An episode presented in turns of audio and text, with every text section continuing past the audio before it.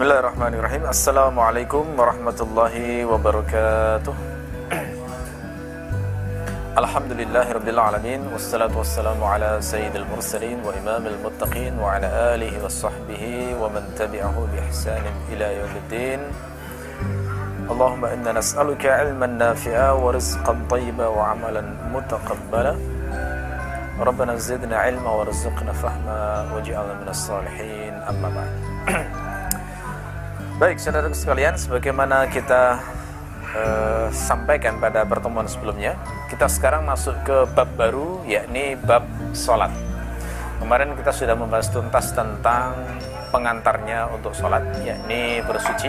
Sekarang kita masuk ke ibadah intinya, ibadah yang sangat terpenting dalam Islam, yaitu sholat. Di bab ini, subbab pertama adalah membahas mawaqitus sholah. Mawaqit itu bentuk jamak dari miqat. Miqat maknanya di sini adalah waktu yang ditentukan.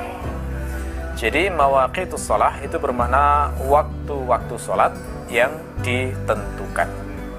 Kalau dalam haji istilah miqat itu disebut untuk me, umumnya disebut untuk me, menyebut tempat orang memulai ihram. Itu dinamakan miqat makani tapi hukum asal dari miqat itu adalah waktu yang ditentukan. Jadi kalau miqat dalam haji itu dipakai untuk tempat itu makna majas sebenarnya. Ya, karena makna bahasanya miqat itu waktu yang ditentukan. Makanya dalam haji ada dua macam miqat, ada miqat zamani dan ada miqat makan. Miqat zamani itu yakni pada awal bulan Syawal sampai 10 Zulhijjah. Miqat makani itu di tempat-tempat ihram yang disebutkan dalam hadis seperti Dzul Hulaifah, Al Juhfa, Yalam Yam, Yalam Lam Qarnul Manazil dan Zatu Irqin. Kita lanjutkan. As-salatul mafruḍah khamsun. Salat yang diwajibkan. Mafruḍah dari kata farada bermakna mewajibkan. Mafruḍah ini isim maf'ul jadi sholat yang diwajibkan itu khamsun lima jumlahnya. Dalil yang menunjukkan bahwa sholat itu wajib adalah surat An-Nisa di antaranya ayat 103 Allah berfirman Faqimus shalah inna sholata kanat 'alal mu'minina kitaban mawqutah Dirikanlah sholat sesungguhnya sholat itu adalah ketetapan yang ditentukan waktunya bagi orang-orang mukmin. Jadi ini ayat yang di antara ayat yang paling lugas menunjukkan bahwa sholat itu wajib hukumnya. Termasuk juga hadis riwayat Bukhari dari Ibnu Umar yang menceritakan bahwa sholat itu adalah bagian dari rukun Islam. Ibnu Umar meriwayatkan beliau berkata Rasulullah Sallallahu Alaihi Wasallam bersabda, Bunyal Islamu ala khamsin syahadati an la ilaha illallah wa anna Muhammadar Rasulullah wa iqamis salah wa ita'iz zakah wal haji wa sawmi ramadan. Islam itu dibangun atas dasar lima perkara.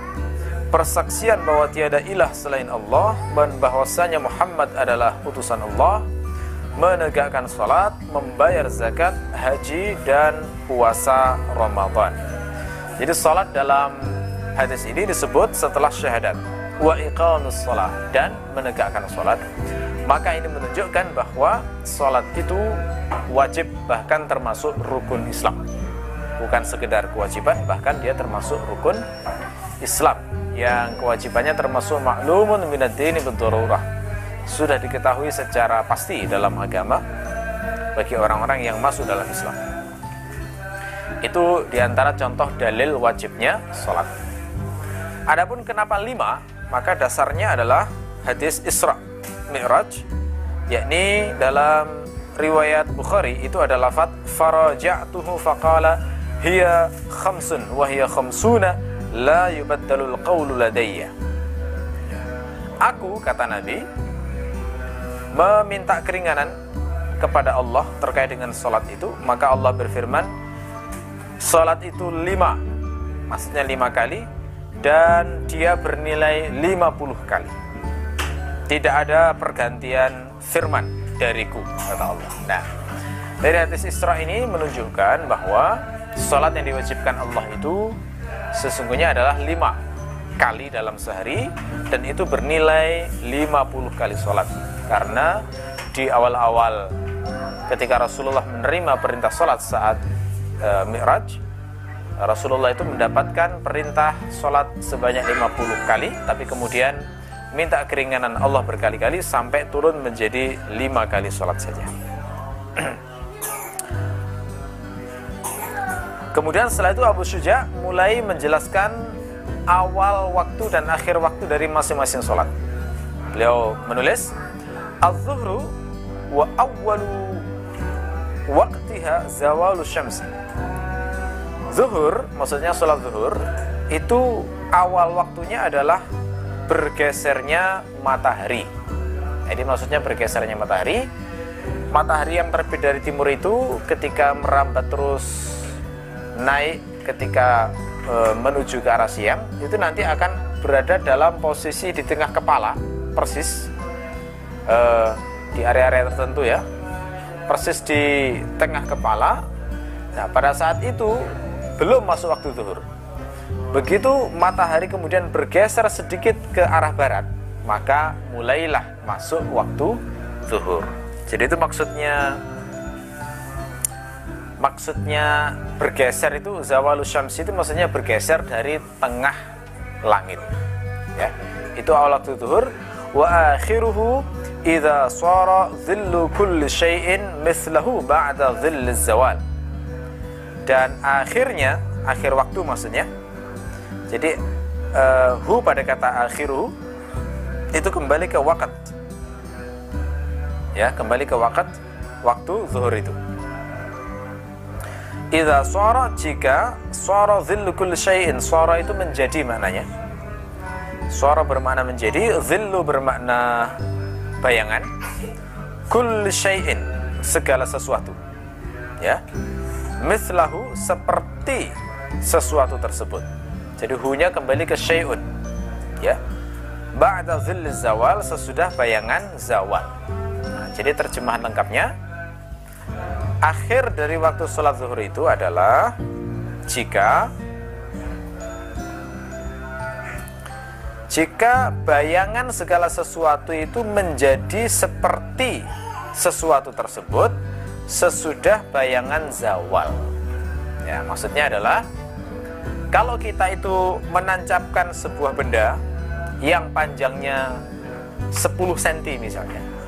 Lalu kemudian benda tersebut itu bayangannya e, jatuh ke arah timur ya kemudian kita ukur ternyata panjang bayangnya itu adalah e, 10 cm juga maka kita katakan berarti bayang benda ini itu sepanjang bendanya gitu ya karena panjang bayangannya sama persis dengan panjang benda itu maksudnya idza sara dhillu kulli syai'in mislahu jika bayangan segala sesuatu itu menjadi seperti uh, sepanjang bendanya. Ya, itu maksud dari uh, kalimat ini. Tetapi di sini ada keterangan ba'da dhil zawal, sesudah bayangan zawal. Jadi ketika matahari bergeser di tengah langit masuk waktu zuhur itu kan sudah ada bayangannya. Itu nggak dihitung. Itu nggak dihitung. Misalnya kita anggap aja bayangan zawal itu uh, misalnya 5 atau 10 cm gitu ya maka berarti akhir dari waktu zuhur itu adalah jika e, eh, 5 ditambah 10 cm tadi jadi ketika bayang benda sudah 15 cm berakhirlah waktu zuhur itu konsepnya begitu ya. wal asru waktu asar wa awwal waqtiha az-ziyadah ala dhillil misli awal waktunya adalah tambahan terhadap bayangan yang semisal. Jadi 10 cm tadi tambah sedikit ya. Mungkin nambah 11 cm atau 12 cm. Pokoknya sudah nambah sedikit berarti masuk waktu asar. Wa akhiruhu fil ikhtiyar ila dhillil mislain.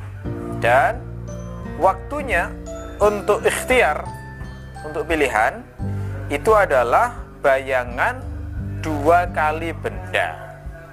Ya jadi gini yang harus difahami dulu begini. Waktu sholat itu ada tiga macam ya.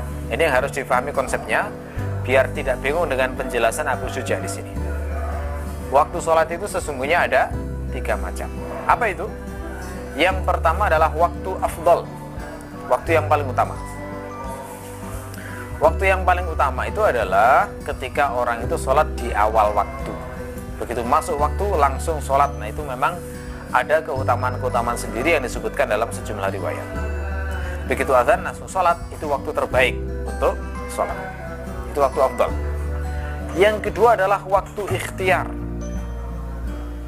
waktu ikhtiar itu adalah waktu di mana seseorang itu boleh memilih sholat di waktu tersebut di bagian mana pun yang ia kehendaki tanpa ada celaan. Itu namanya waktu ikhtiar. Ada pula yang dinamakan waktu jawas. Ya waktu jawas itu istilah lainnya kalau menurut sebagian fuqaha adalah dinamakan waktu darurat waktu darurat itu makna nah, istilah lainnya adalah uh, istilah lain dari waktu jawas atau waktu ittirar ya. Jadi waktu jawas itu istilahnya pakai tiga istilah waktu jawas waktu darurah atau waktu ittirar Ya, waktu jawas itu adalah waktu yang mana seseorang itu boleh untuk melakukan sholat jika dia ada uzur, ya. Jadi kalau nggak ada uzur tiba-tiba pakai waktu jawas, maka berdosa dia, gitu ya. Sebagian ulama minimal makruh, minimal makruh, dibenci perbuatan yang tidak baik. Contoh misalnya waktu isya,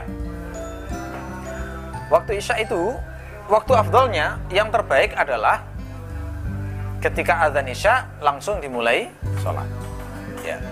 Waktu ikhtiarnya adalah sampai sepertiga malam ya. Kalau dalam mazhab syafi'i sampai sepertiga malam. Jadi kira-kira sampai jadi sebenarnya waktu ikhtiar isya itu hanya sampai jam 10-an kira-kira. Jadi yang yang kita boleh milih sesuka kita waktu isya itu boleh milih sholat jam 7 misalnya atau setengah 8, jam 8, 9 maksimal jam 10 itu waktu ikhtiarnya. Ya begitu sekitar jam 10 sepertiga malam sampai waktu subuh itu sudah waktu jawas. Waktu jawas itu hanya boleh dipakai jika orang ada uzur. Contohnya uzur misalnya ketiduran ya. Jadi misalnya setelah maghrib tidur kok bangunnya jam 2 nah itu masih bo masih boleh sholat isya. Artinya nggak dosa dia. Sholat isya jam tersebut tidak masalah ya contoh lain misalnya lupa. Tapi ini jarang ya. Kalau sholat sampai lupa itu ya ya mungkin mungkin terjadi. Tapi bisa jadi orang sholat lupa baru ingatnya jam 3 bahwa dia belum sholat isya. Itu juga tidak masalah itu masih waktu jawas. Atau wanita misalnya haid dicek kok sucinya jam 2 malam. Nah, itu kan waktu sholat waktu jawas ya untuk sholat isya. Itu nggak apa-apa sholat di situ. Ya.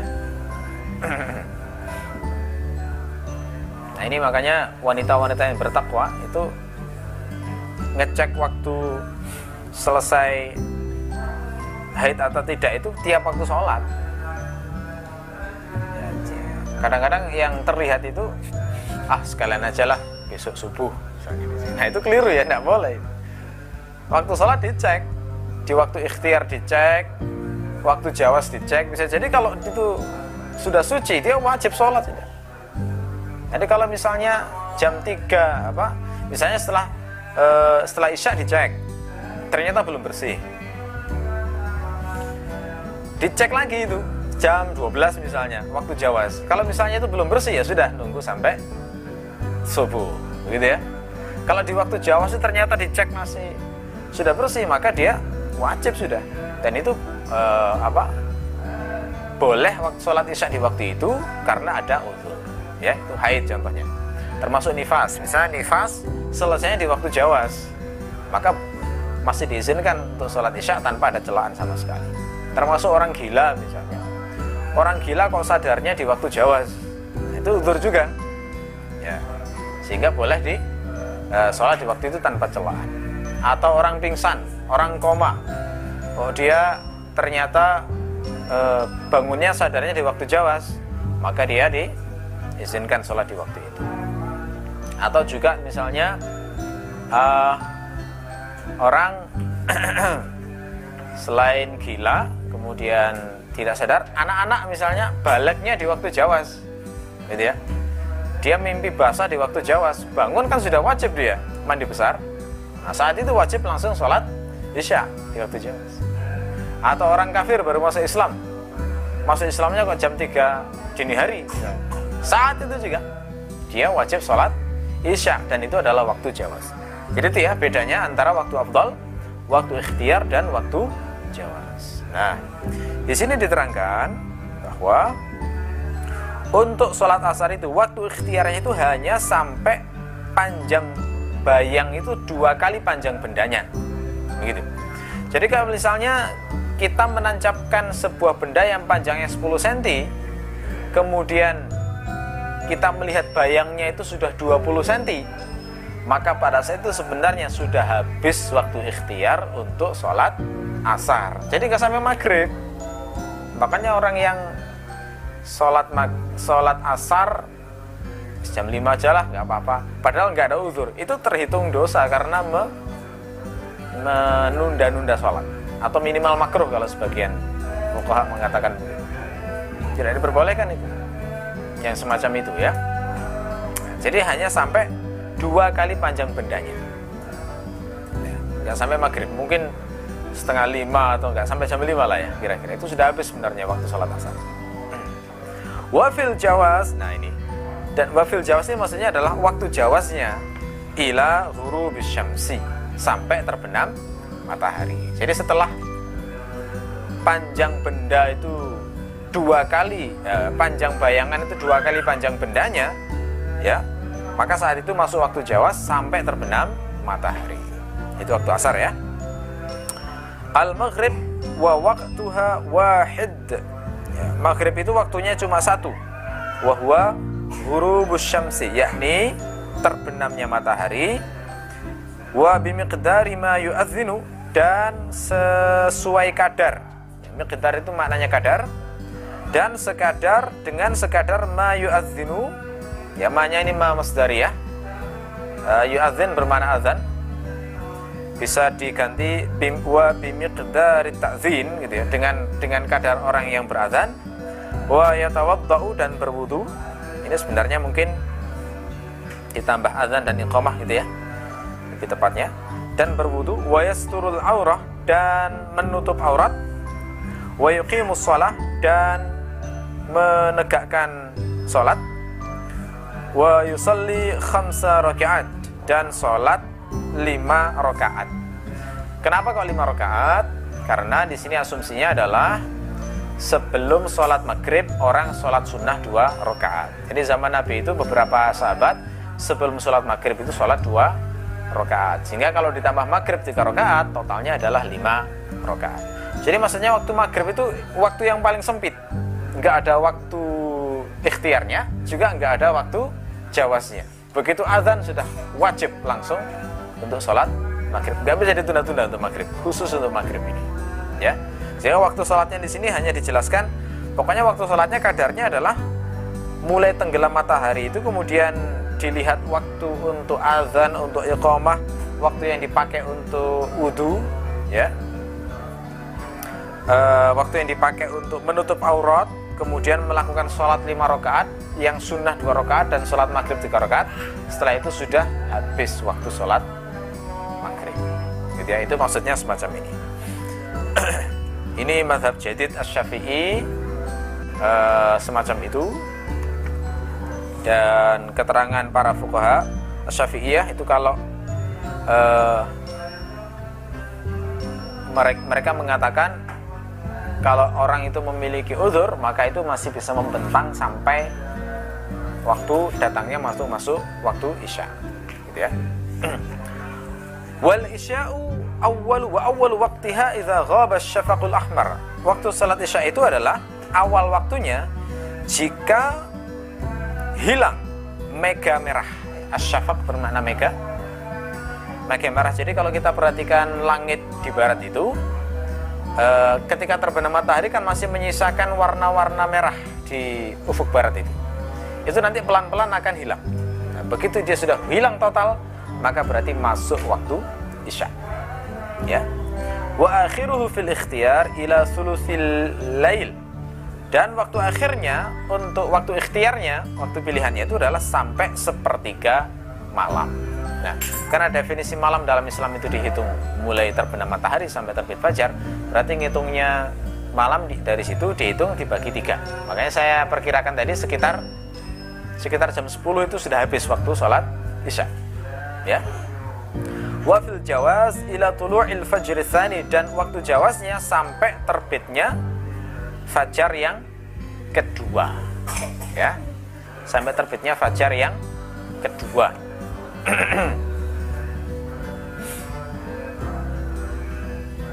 Yakni maksudnya fajar sodik yakni ketika masuk waktu subuh. Karena fajar itu ada dua al fajrul awal itu fajar kadzib al fajrul sani itu fajar sodik yakni waktu subuh itu. Ya. Wasubhu wa awal waqtiha tulu'ul fajr tsani Waktu subuh itu awal waktunya adalah terbitnya fajar kedua wa akhiruhu fil ikhtiyar ilal isfar. Dan waktu akhirnya untuk waktu ikhtiarnya adalah sampai isfar. Isfar itu maknanya adalah kondisi terang sekali. Dari kata asfar. Asfar itu bermakna terang sekali, tetapi belum terbit matahari. Jadi kalau kita lihat pagi hari di timur itu, saat selesai sholat subuh itu, kalau kita perhatikan, nanti akan ada saat di mana alam ini kelihatan terang benderang, tapi matahari belum belum muncul, gitu ya. Nah itu yang dinamakan dengan isfar, ya. Nah itu adalah waktu sampai waktu di situ tersebut adalah waktu ikhtiar. Selama masih isfar, maka berarti tidak tercela orang sholat subuh di waktu tersebut. Wafil jawaz ila tulu'i syamsi. Waktu jawaznya adalah sampai terbit matahari. Ya, jadi itu. Dengan demikian, kita bisa menyimpulkan tidak semua sholat memiliki waktu ikhtiar dan waktu jawaz. Ya, ada sholat yang memiliki waktu ikhtiar dan waktu jawaz, ada pula sholat yang tidak memiliki waktu ikhtiar dan waktu jawaz. Untuk sholat zuhur itu tidak ada keterangan waktu ikhtiar dan waktu jawaz. Kalau untuk sholat asar ada, waktu ikhtiar ada, waktu jawaz juga ada. Sholat maghrib tidak ada waktu ikhtiar dan waktu jawaz. Sholat isya itu ada waktu ikhtiar dan waktu jawaz. Sholat subuh juga ada waktu ikhtiar dan waktu jawaz. Jadi yang nggak ada ikhtiar dan jawaznya itu adalah zuhur dan maghrib. Ya, yang paling sempit waktunya sholat maghrib. Yang tidak bisa ditunda-tunda betul-betul itu adalah sholat maghrib itu. Gitu ya. Jadi eh, hanya kalau ada uzur saja, terutama para wanita, ya sering kali ada uzur karena kadang-kadang dia harus ngurus anak dulu ya. Kan tidak mungkin ya anak misalnya butuh sesuatu kemudian ditinggalkan. Nah, itu harus diselesaikan dulu anaknya baru kemudian bisa sholat. Dalil yang menunjukkan waktu-waktu sholat ini banyak di antaranya misalnya dalam hadis riwayat muslim. Saya bacakan lafadznya. Dari Abu Bakar ibnu Abi Musa dari ayahnya dari Rasulullah Shallallahu Alaihi Wasallam أنه أتاه سائل يسأله عن مواقيت الصلاة فلم يرد عليه شيئا. قال فأقام الفجر حين انشق الفجر والناس لا يكاد يعرف بعضهم بعضا. ثم أمره فأقام بالظهر حين زالت الشمس والقائل يقول قد انتصف النهار وهو كان أعلم منهم. ثم أمره فأقام بالعصر والشمس مرتفعة ثم أمره فأقام بالمغرب حين وقعت الشمس ثم أمره فأقام العشاء حين غاب الشفق ثم أخر الفجر من الغد حتى انصرف منها. والقائل يقول قد طلعت الشمس أو كادت ثم أخر الظهر حتى كاد قريبا من وقت العصر بالأمس ثم أخر العصر حتى انصرف منها. والقائل يقول قد احمرت الشمس ثم أخر المغرب hatta kana inda suqut ثم thumma akhara al-isya hatta kada thuluth al-lail al-awwal thumma asbaha fada'a as-sa'il al-waqtu dari Rasulullah Shallallahu Alaihi Wasallam bahwasanya ada seorang penanya yang datang kepada beliau bertanya tentang waktu-waktu sholat. Maka Rasulullah tidak menjawab sepatah kata pun. Kemudian beliau e, melakukan sholat di waktu fajar. Ketika fajar telah terbelah, sementara orang-orang hampir-hampir tidak mengenal satu sama lain. Nah ini menunjukkan waktu awal sholat subuh. Subuh itu ketika fajar terbit itu orang itu bisa melihat tapi nggak sampai susah mengenal ya. Ini siapa ini siapa itu. Kalau nggak ada lampu sama dulu kan nggak ada lampu ya. Jadi cirinya waktu subuh semacam itu terang apa uh, terbit fajar cuma susah untuk mengenal kelihatan ini mungkin kalau ini laki-laki perempuan masih tahu ya tapi kalau ini siapa fulan siapa itu mirip-mirip agak susah mengidentifikasi Kemudian beliau melakukan sholat zuhur ketika matahari telah tergeser dari tengah langit. Nah ini menunjukkan awal waktu zuhur. Eh, sementara orang-orang eh, ada orang yang mengatakan matahari telah eh, siang telah berada di tengah-tengah hari. Sementara Nabi adalah yang paling tahu dari mereka. Kemudian Rasulullah memerintahkan mereka untuk sholat asar, sementara matahari telah e, meninggi maksudnya semakin jauh ya dari tengah langit. Kemudian beliau memerintahkan melakukan sholat maghrib ketika matahari telah terbenam. Jadi awal sholat maghrib begitu, sementara awal sholat waktu isya itu dikatakan di sini hanya matahari semakin meninggi, murtafiah. Kemudian beliau memerintahkan sholat, maka beliau sholat isya ketika mega merah itu telah terbenam. Ya.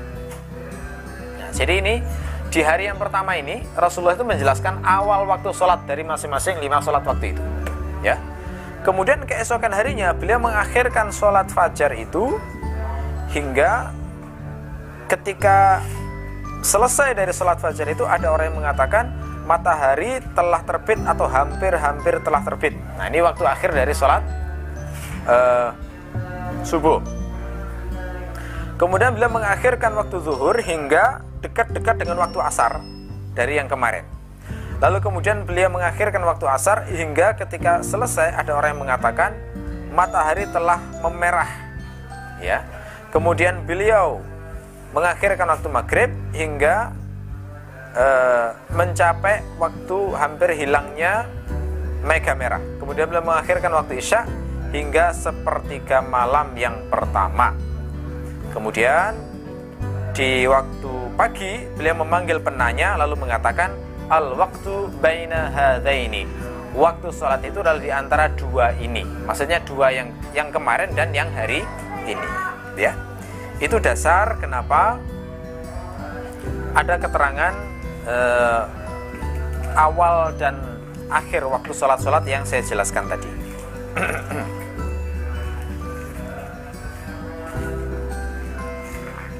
Ya Adapun untuk dalil yang menunjukkan adanya waktu jawaz untuk sholat maghrib, yakni mulai dari panjang bayang-bayang itu dua kali panjang bendanya, itu didasarkan pada hadis riwayat Al Bukhari dari Abu Hurairah, anna Rasulullah sallallahu alaihi wasallam qala Man adraka min as-subhi rak'atan qabla an tatlu asy-syams faqad adraka subha wa man adraka rak'atan min al-'asri qabla an taghrib asy-syams faqad adraka al-'asra Barang siapa yang sempat mendapatkan satu rakaat subuh sebelum terbit matahari, maka dia telah mendapatkan sholat subuh. Dan barang siapa yang sempat mendapatkan satu rakaat asar sebelum terbenam matahari, maka dia telah mendapatkan waktu asar. Nah ini menjadi dalil adanya waktu jawaz untuk sholat subuh dan sholat asar. Gitu ya.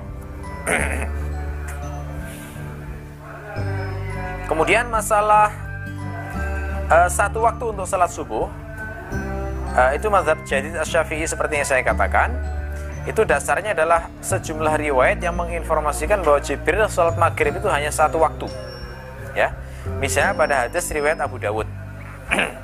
Ya. dari Ibnu Abbas beliau mengatakan Rasulullah SAW bersabda Jibril mengimamiku di Ka'bah dua kali. Maka dia mengimamiku waktu zuhur pada saat matahari bergeser. Eh, kira-kira uh, se sejauh sat, satu tali sandal. Kemudian sol, mengimamiku sholat asar ketika bayangan sesuatu itu sepanjang bendanya kemudian mengimamiku sholat maghrib ketika orang-orang berpuasa itu berbuka. Dan mengimamiku sholat isya ketika mega merah itu telah lenyap. Dan mengimamiku sholat subuh ketika makan dan minum telah haram bagi orang yang berpuasa. Keesokan harinya Jibril mengimamiku sholat zuhur pada saat bayang-bayang benda itu seperti bayang bendanya dan mengimamiku sholat asar ketika panjang bayang benda itu dua kali panjang bendanya dan mengimamiku sholat maghrib ketika orang-orang yang berpuasa telah berbuka dan mengimamiku sholat isya pada saat sepertiga malam. Ini maksudnya sepertiga malam yang pertama. Dan mengimamiku sholat subuh ketika uh, telah terang sekali. Kemudian Jibril menoleh kepadaku dan bersabda, "Hai Muhammad, ini adalah waktu para nabi-nabi sebelummu. Dan waktu sholat adalah di antara dua waktu ini." jadi di atas ini adalah terkait dengan sholat maghrib itu ternyata sama lafadznya hari pertama dan kedua itu sholat maghribnya adalah uh, dikatakan ketika uh, apa itu namanya hina aftar soim ketika orang yang berpuasa itu berbuka. Jadi nggak ada bedanya maka ini menunjukkan sholat maghrib itu cuma satu waktu. Tetapi ulama syafi'iyah seperti saya katakan tadi mereka mentarjih bahwa waktu sholat maghrib itu ya sampai hilangnya mega merah berdasarkan riwayat muslim tentang waktu-waktu sholat yang saya bacakan sebelumnya. Gitu ya. Juga berdasarkan riwayat Muslim yang lain dari Abdullah bin Amr bahwasanya Rasulullah wasallam bersabda, Waktu zuhri idza zalat asy-syams wa kana dhillu ar-rajuli ka tulihi ma lam yahdur al-'asr wa waqtu al-'asr ma lam tasfarra asy-syams wa waqtu salat al-maghrib ma lam taghib ma lam yaghib asy-syafaq. Waktu zuhur adalah ketika matahari bergeser dan bayangan seorang lelaki sepanjang uh, tingginya selama belum tiba waktu asar. Dan waktu asar itu adalah ketika eh, sebelum selama sebelum matahari itu menguning dan waktu salat maghrib itu adalah selama mega merah belum lenyap. Nah, itu semakin uh, dipandang sebagai menguatkan waktu salat maghrib sampai datangnya waktu salat isya. Ya.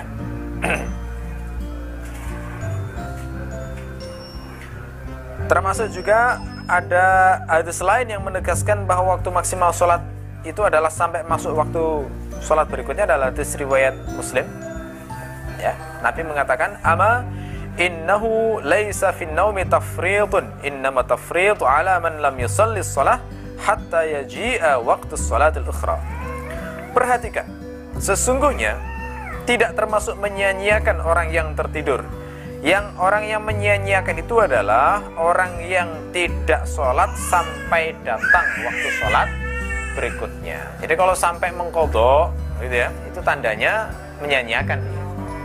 Ya, kalau sampai ditunda, tunda, tunda sampai datang waktu sholat berikutnya, nah itu yang yang dihitung al-du'amus sholah menyia-nyiakan sholat yang dicela dalam Al-Quran dan banyak hadis yang lain.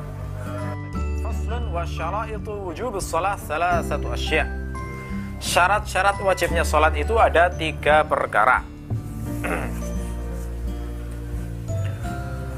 ya, satu al-Islam, Islam. Jadi disyaratkan orang uh, waj, orang baru wajib sholat itu adalah Islam. Artinya kalau dia masih kafir, dia tidak wajib. Maknanya bagaimana?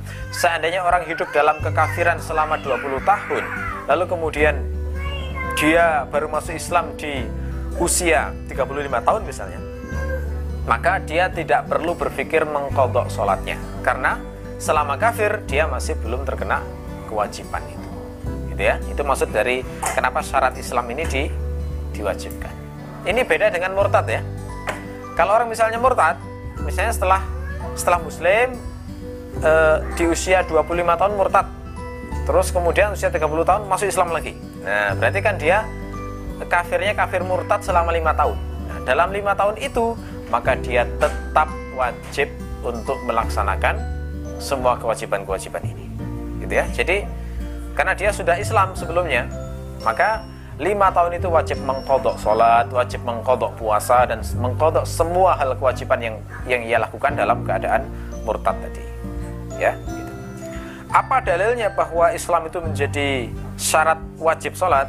Di antara dalilnya adalah uh, hadis riwayat Al Bukhari dari Ibnu Abbas bahwasanya Nabi Shallallahu Alaihi Wasallam mengirim Muadz ke Yaman. Kemudian beliau bersabda, "Ud'uhum ila syahadati an la ilaha illallah wa anni rasulullah fa in hum ata'u lidzalika fa'alimhum anna Allah qad iftarada alaihim khamsa salawatin fi kulli yawmin wa lailah ajaklah mereka untuk bersaksi bahwa tiada ilah selain Allah dan sesungguhnya Rasulullah dan sesungguhnya aku adalah utusan Allah.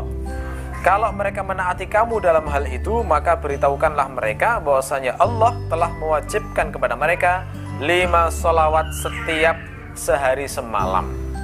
Ya, ini menunjukkan berarti uh, Rasulullah itu kan berpesan pada Muadz bin Jabal. Nanti kalau kamu ke Yaman, pertama-tama itu orang diajak syahadat dulu. Syahadat kan pintu masuk Islam.